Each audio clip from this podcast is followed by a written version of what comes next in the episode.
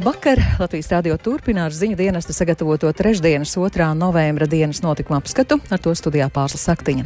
Vispirms īsts ieskats raidījuma tematos. Topošā koalīcija tomēr vienojas par jaunu enerģētikas ministriju un sadarbības memorandu. Tā pamatziņa ir laba ziņa. Mēs esam atraduši eh, vienošanās par sadarbības memorandu ar eh, korektoru palīdzību mēs sagatavosim un rītdien plānojam pulksten divos viņu parakstīt. Izraels vēlēšanās uzvar premjerā Netanjahu vadītā partija Likud. Valdību varētu veidot ar ultraortodoksālajām partijām.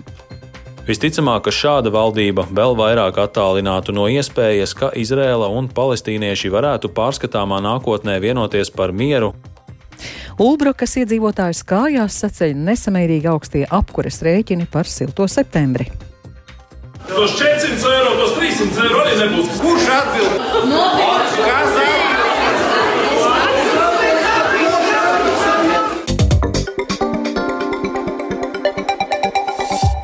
Jaunā vienotība, apvienotais saraksts un Nacionālā apvienība šodien sarunās vienojās par jaunas enerģētikas ministrijas veidošanu un rīt plāno parakstīt sadarbības memorandu. Studijā ir Viktors Demīdors ar jaunāko no partijas sarunām. Sveiks, Viktor! Sveicināti! Vai visas domstarpības politiķi tagad ir novērsuši un valdība būs? Mhm. Jā, pēc ilgām sarunām un domstarpības, pēc ilgām sarunām un domstarpībām trīs potenciālie koalīcijas sabiedrotie, tātad jaunā vienotība, apvienotais saraksts un Nacionāla apvienība šodien pirmo reizi pie medijiem iznāca kopā un paziņoja, ka ir vienojušies veidot valdību. Lūdzu, paklausīsimies, kādi bija jaunās vienotības līdera un potenciālā premjera Krišņaņa Kariņa vieni no pirmajiem vārdiem žurnālistiem. Mēs, kā trīs politiskie spēki, Tātad esam gatavi strādāt ne tikai kā individuāli spēki, bet saliekot mūsu kopīgo spēku, mūsu valsts attīstībai, mūsu valsts drošībai. Viss, par ko mēs esam katrs atsevišķi, mēs tagad kopīgi sāksim runāt. Un rītdien mēs savus pirmos parakstus uzliksim uz sadarbības memorandu un tūlīt pat arī uzsāksim darbu Protams, vispirms sadalot eh, atbildības un tad arī pie konkrētās valdības deklarācijas. Jā, jāatzīmē, ka vislielākās domstarpības bija par jaunās ministrijas izveidi, kas atbildēs par enerģētiku un vidi. Un pašlaik zināms, ka tāda ministrija būs. Un tā būs atsevišķa institūcija. Apvienotā saraksta pārstāvis Uldis Pīlēns norādīja, ka klimata un enerģijas jautājumi ir jārisina kopā un jāveido racionāla pieeja, lai sasniegtu mērķi. Un Pīlēns arī cer, ka atbildību par šo uzņemsies jaunā vienotība, tātad izveidot to visu to sasniegto to mērķi. Un savukārt, jā, Nacionālās apvienības pārstāvis Jānis Dombrava teica, ka visiem trim uh, spēkiem sēžot pie kopīga galda, tātad sadarbības, tas memorands, memorands gāja raitāk uz priekšu un, un, un, un tās, tās sarunas ritēja veiksmīgāk. Nu, un, um, ja tā var teikt, ar tām negribētajām ministrijām, kas ar tām notiek ar izglītības, veselības jomu? Jā, es tādu jautājumu arī uzdevu topošajām un, teikšu, precīzāk potenciālajam premjeram Krišjānam Kariņam, uh, bet uh, atbilde bija tāda, ka pēc memoranda iz, uh, parakstīšanas tātad rītdien politiskie spēki par to runās, un tātad tas būs, nav pagaidām zināms diena, laiks, precīzi to nevarēs tā pateikt, bet Kariņš solīja, ka darbosies tik ātri, cik vien to ir iespējams darīt kopā mm. ar saviem Mm -hmm. Nu jau kolēģiem. kolēģiem jā. Paldies par jaunās vienotības apvienotās saraksta Nacionālās apvienības sarunās līdz šim panākto stāstīja Viktors Demīdovs. Tikmēr partijas stabilitātei deputāte Naģežda Treķakova neilgi pēc svinīgās vērsta nodošanas saimnes prezidijām ir iesniegusi iesniegumu par atteikšanos no deputātes pilnvarām. Viņas vietā parlamentā kā nākamā plāno nākt Iekaterina Dorošķeviča, kas ir pedagoģa Daugavpils Ruģeļu pirmskolas izglītības iestādē. Partijas līderis Aleksējs Rosļikovs skaidro, ka deputāte Treķekova lēmumu atteikties no deputāta mandāta ir pieņēmusi ģimenes apsvērumu dēļ. Nu, Pirmkārt, man pats svarīgākais saprast, ka Naģežda ir nepilngadīgi bērni, un kuriem uz doto momentu nav iespējams pārkārtot dzīvi, mainīt skolu vai dzīves vietu. Bet parlamentārais darbs ir ārkārtīgi atbildīgs, un es vēlreiz gribu uzsvērt, ka mēs esam atnākuši, lai strādātu, līdz ar to ikdienas klātbūtne ir vienkārši nepieciešama. Tāpēc ar Naģeždu parunājam šo situāciju un izdomājam, ka viņa vadīs mūsu Latgales, tā teikt, struktūru, Rezekne un Daugavpils, kur mums būs tas pats kā Rīgā lielais birojs, kur mēs sniegsim cilvēkiem gan juridisku, gan citu veidu palīdzību. Un viņiem būs tas daudz ērtāk. Tā teikt, ģimene necietīs. Vai Treķakovas kundze par nepilngadīgiem bērniem un to savienošanu ar darbu saimā uzzināja tikai pēc ievēlēšanas saimā? Nu, jūs gribat nosodīt viņa privāto dzīvi? Nē, vai viņa šo lietu salāgošanu neizvērtēja pirms stāšanās deputāta? Es domāju, ka deputāti, kuri vakardien ierodās pat uz uh, svinību solīšanu, tā teikt, ja, un uz vērestu, un viņiem vairāk vajadzētu aizdomāties par to, ko viņi ir izdarījuši, ko viņi nav izdarījuši. Es domāju, ka Treķakovas kundze izvēle par uh, labu savai ģimenei, bet tomēr palikt politika un palīdzēt cilvēkiem atbalstīt viņus. Un tas pilnīgi dabiski, ja viņi iet prom no politikas un pateikt, ka viņiem tas nedara ja būtu kaut kas cits. Jā, bet viņa paliek aktīvai politikā un strādās Latgalē. Gribu pasvītrot, ka Latgalē mums ir, tā teikt, no visiem vēlēšanas apgabaliem vislabākais un vislielākais atbalsts. Nav tāds solvīts aboltiņas gadījums, ka tiek izbrīvēta vieta kādam citam kandidātam? Uj, nu nezinu, jaunai vienotība labāk aprasīt, viņi labāk zina, kas tur bija ar solvītu aboltiņu. Šī ir tīri privāta viņas pašas izvēle, ja? Nu, noteikti. Tāpat stabilitātei līderis Aleksējs Rosļikovs ar viņu runāja Edgars Kupčs. Krievija ir piekritusi atsākt līdzdalību ar Turcijas un apvienoto nāciju organizācijas starpniecību noslēgtajā Ukrainas graudu eksporta darījumā, lai no šodienas atļautu Ukrainas graudu eksportu caur Melno jūru, paziņojas Turcijas prezidents Reģips Teips Erdogans.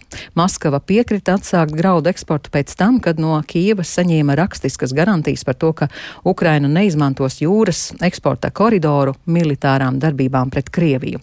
Turpina Vendija Maslobojeva. Krievija pagājušajā nedēļā apturēja savu dalību graudu eksporta darījumā. Tas notika pēc tam, kad Krievija apsūdzēja Ukrainu dronu uzbrukumā tās Melnās jūras kara flotei Sevastopolis pilsētā, okupētajā Krimas pussalā. Krievija arī paziņoja, ka negarantēs drošību kravas kuģiem, kas izies no Ukrainas ostām Melnajā jūrā. Turcijas prezidents Reģeps Tajips Erdogans norādīja, ka pašlaik galvenā prioritāte ir graudu eksports uz Āfrikas valstīm. Viņš arī sacīja, ka Krievija ir neapmierināta ar graudu darījumu izpildi, jo lielākā daļa eksportētās Ukrainas labības it kā nonākot Eiropas valstīs, lai gan tam nav nekādu pierādījumu. Amerikas Savienotās valstis piešķirs 55 miljonus dolāru Ukrainas siltumapgādes infrastruktūras remontam 19 Ukrainas reģionos. Uz Ukrainu paredzēts nosūtīt vismaz 1600 ģeneratorus, ūdens attīrīšanas iekārtas un citus apkurs līdzekļus.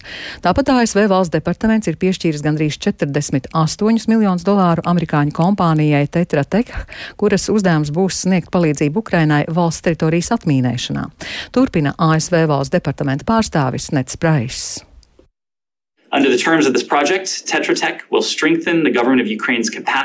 Šī projekta ietveros kompānija Tetra Tech stiprinās Ukrainas spējas atrast un likvidēt mīnas, neeksplodējušu un pamestu munīciju un citas sprākstošas iekārtas, kas atrodas civilajos rajonos. Tetra Tech apmācīs Ukrainas valdību un tās atmīnēšanas vienības, lai tās sasniegtu starptautiskos standartus un to rīcībā būtu visi nepieciešamie līdzekļi sava darba veikšanai. Šis finansējums ļauj ļaus arī nosūtīt nevalstiskajai organizācijai Ukrainas atmīnētāju asociācija papildus izglītošanas komandas. Bijušais Izraels premjerministrs Benjamins Netanjahu ir tuvu tam, lai atgrieztos pie varas.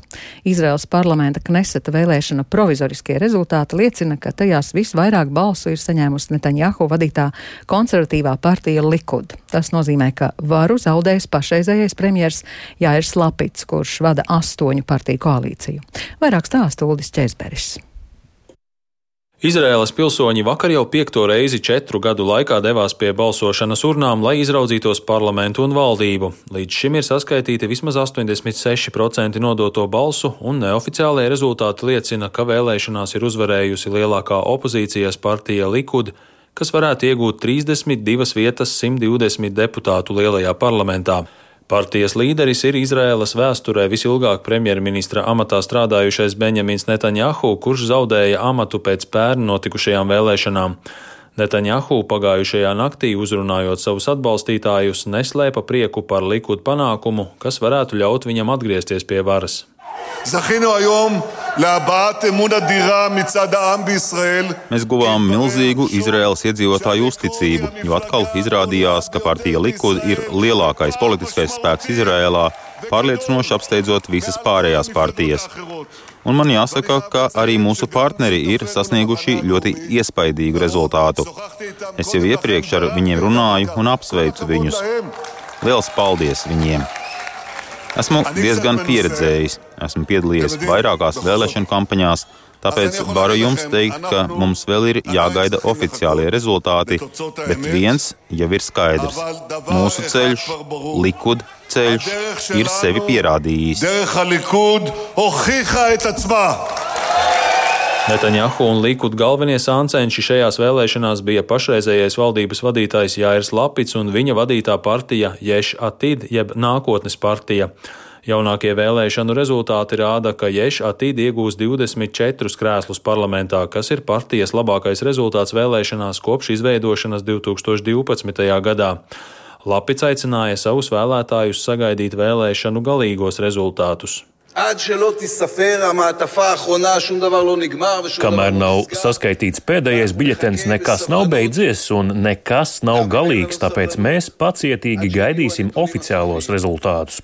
Šovakar es ierados šeit, lai no visas sirds pateiktu jums paldies. Ješ Atid šodien sasniedza lielisku rezultātu.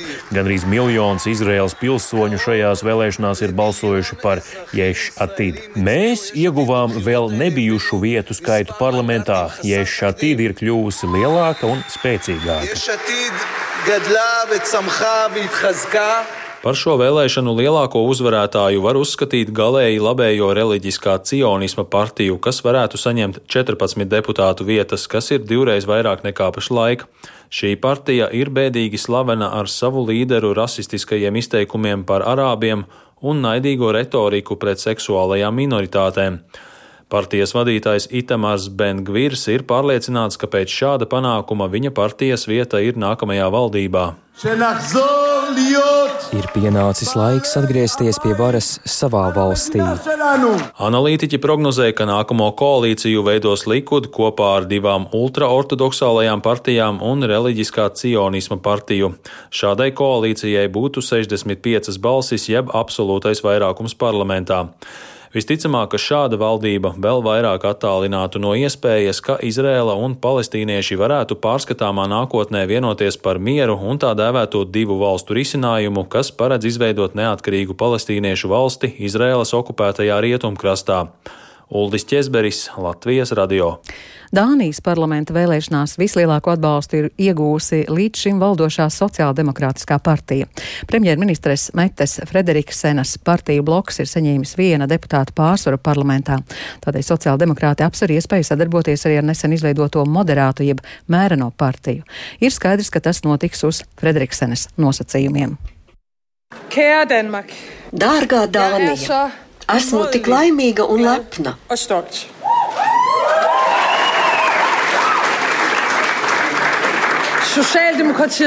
Sociāldemokrāti. Mums ir bijušas labākās vēlēšanas vairāk nekā 20 gadu laikā.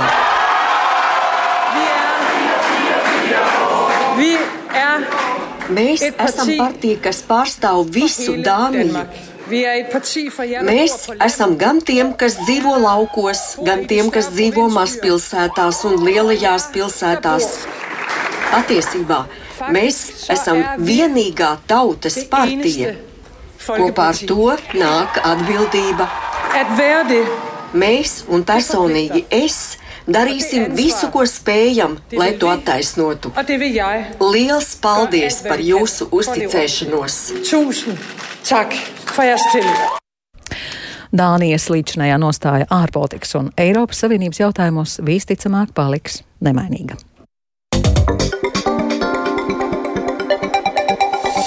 Ar vienu nav skaidrības, vai nākamajā gadā turpināsies normatīvos noteiktais, ka attālināta darba veikšanai darba devējs padotajiem ik mēnesi var kompensēt 30 eiro par darbam veltītiem tēriņiem.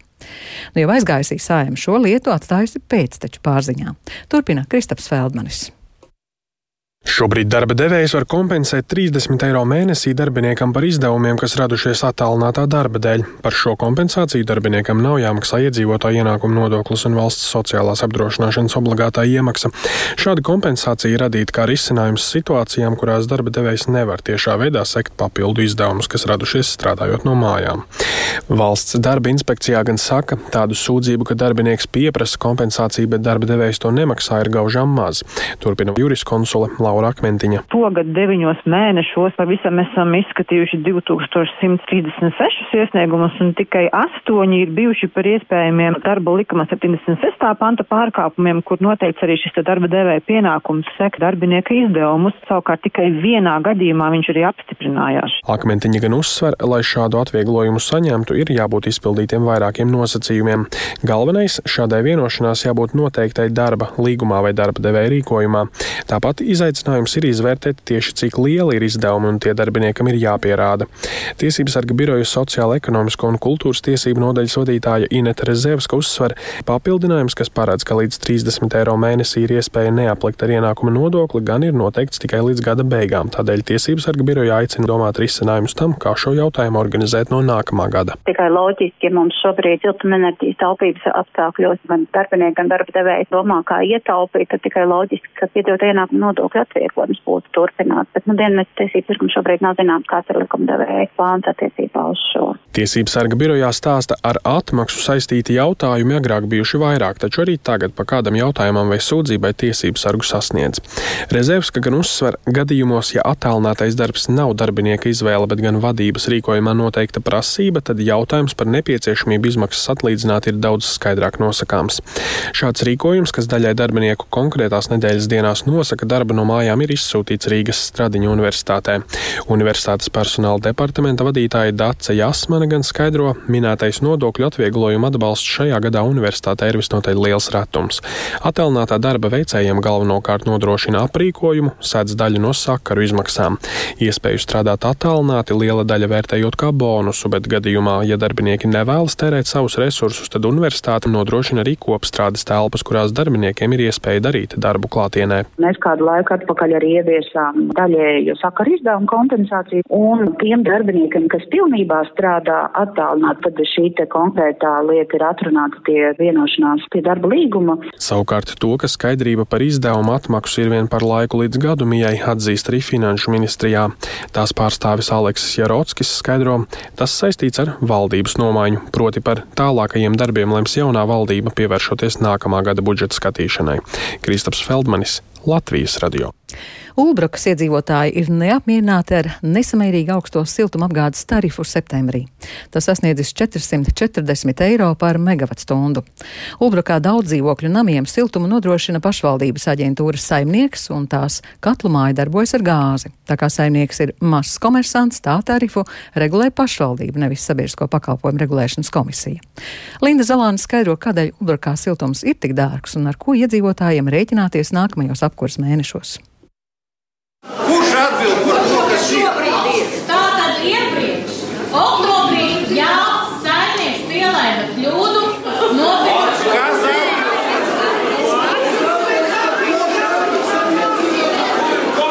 Vai jūs kā pašvaldība darīsiet ar tiem cilvēkiem, kuri nevarēs šos rēķinus samaksāt? Tos 400 eiro, tos 300 eiro arī nebūs samaksāt. Nav ar ko maksāt. Par jūsu kļūdu. Mūsu nodokli. Šādi skaistlības pirmdien mirmoja kultūras centrā Hulbrakas pērle, kurā bija sanākuši apmēram 200 vietējie iedzīvotāji. Viņi nav mierā ar ievērojamo septembra rēķinu, kad par siltā ūdens uzsildīšanu vien jāmaksā 440 eiro par megavatstundu. Hulbrakā daudz dzīvokļu namiem siltuma apgādi nodrošina pašvaldības aģentūras saimnieks, un tās katlumāja darbojas ar gāzi. Uzņēmuma direktora pienākumu izpildītājs Māris Līcītis skaidro, ka gāzi septembrī nācās pirkt par biržas cenu, jo Latvijas gāze pēkšņi lauza līgumu. Un ļoti lielu avansu, gandrīz pusmiljonu. Steigā bija jāveic aptauja. Un... Arī oktobrī Ulbrakai gāzi piegādās Latvenergo, bet tad iedzīvotāji milzīgo tarifu tik skaudri neizjutīs, jo būs valsts atbalsts. Savukārt no šī mēneša vidus pašvaldības aģentūras saimnieks sāks iepirkt propāna butāna gāzi, kas ir lētāka. Uz jautājumu, ko siltumapgādes uzņēmums varēja darīt citādi, lai nebūtu tik liela iedzīvotāja neapmierinātība, Māris Līcītis pauž šādi. Jā, nu, varbūt tā sapulce bija agrāk jārīko, bet nu, ko nozīmē sapulce, ka, piemēram, es pats to redzēju, kas notika, nu tā nav sapulce, tas ir tirgus mītiņš.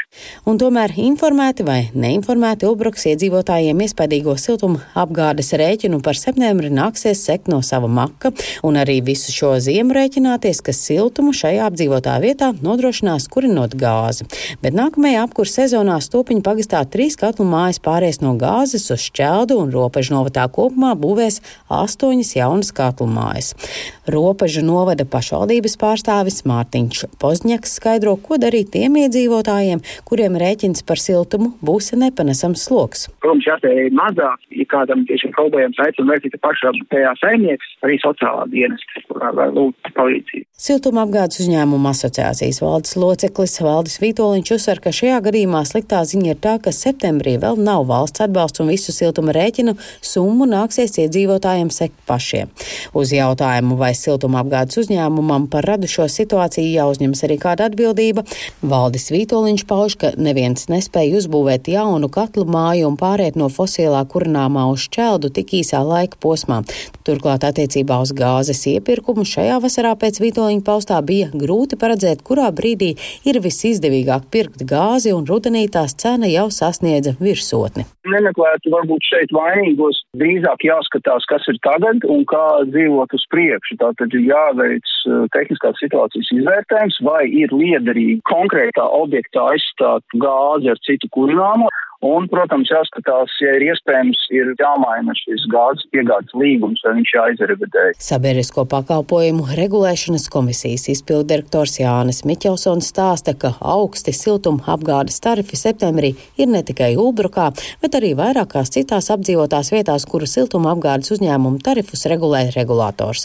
Rekordiste ir Rīgšķila. 324 eiro Mārupē 320, Čekavā 280. Savukārt zemāka tarifa ir tajās apdzīvotās vietās, kur siltuma apgādē izmanto šķeldu. Jānis Miķelsons uzsver, ka no oktobra līdz aprīlim siltuma apgādēji ir arī valsts atbalsts. Ja tarifs pārsniedz 68 eiro par megawattstundu, tad daļa no šīs summas tiek kompensēta. Ja tarifs ir vēl augstāks, tad valsts nosedz lielāko daļu no augstās tarifu daļas. Linda Zalāne, Latvijas radio.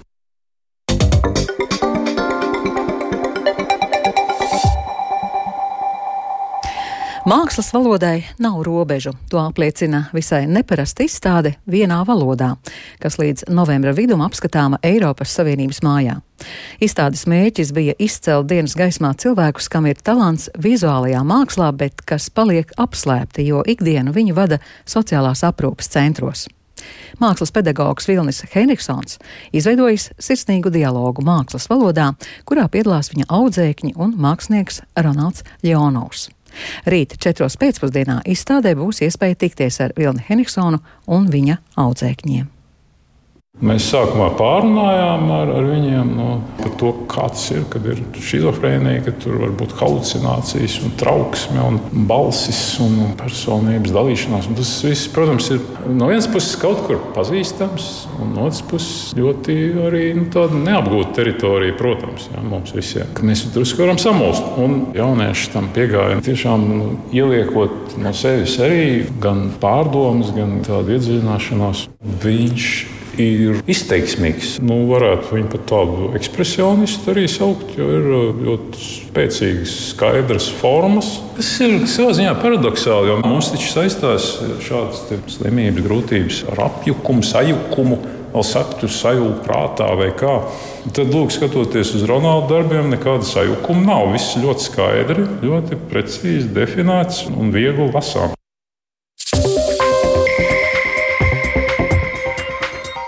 Ar to izskan dienas notikuma apskats, producents Edgars Kupčs, ierakstus montēja Kaspars Groskops par labskaņu rūpējās Rīta Kārnača, ar jums runāja Pārslas Saktiņa, vēl īsi par svarīgāko. Topošā koalīcija tomēr vienojas par jaunu enerģētikas ministriju un rīt parakstīs sadarbības memorandu. Krievija piekritusi atsākt līdzdalību Ukrainas graudu eksporta nodrošināšanā. Amerikas Savienotās valstis piešķirs finansiālu palīdzību Ukrainai siltumapgādes infrastruktūras atjaunošanā, kā arī palīdzēs apmācīt Ukraiņu atmīnētājus. Izrēlas vēlēšanās uzvar ekspremjera Netanjahu vadītā partija Likud. Yeah.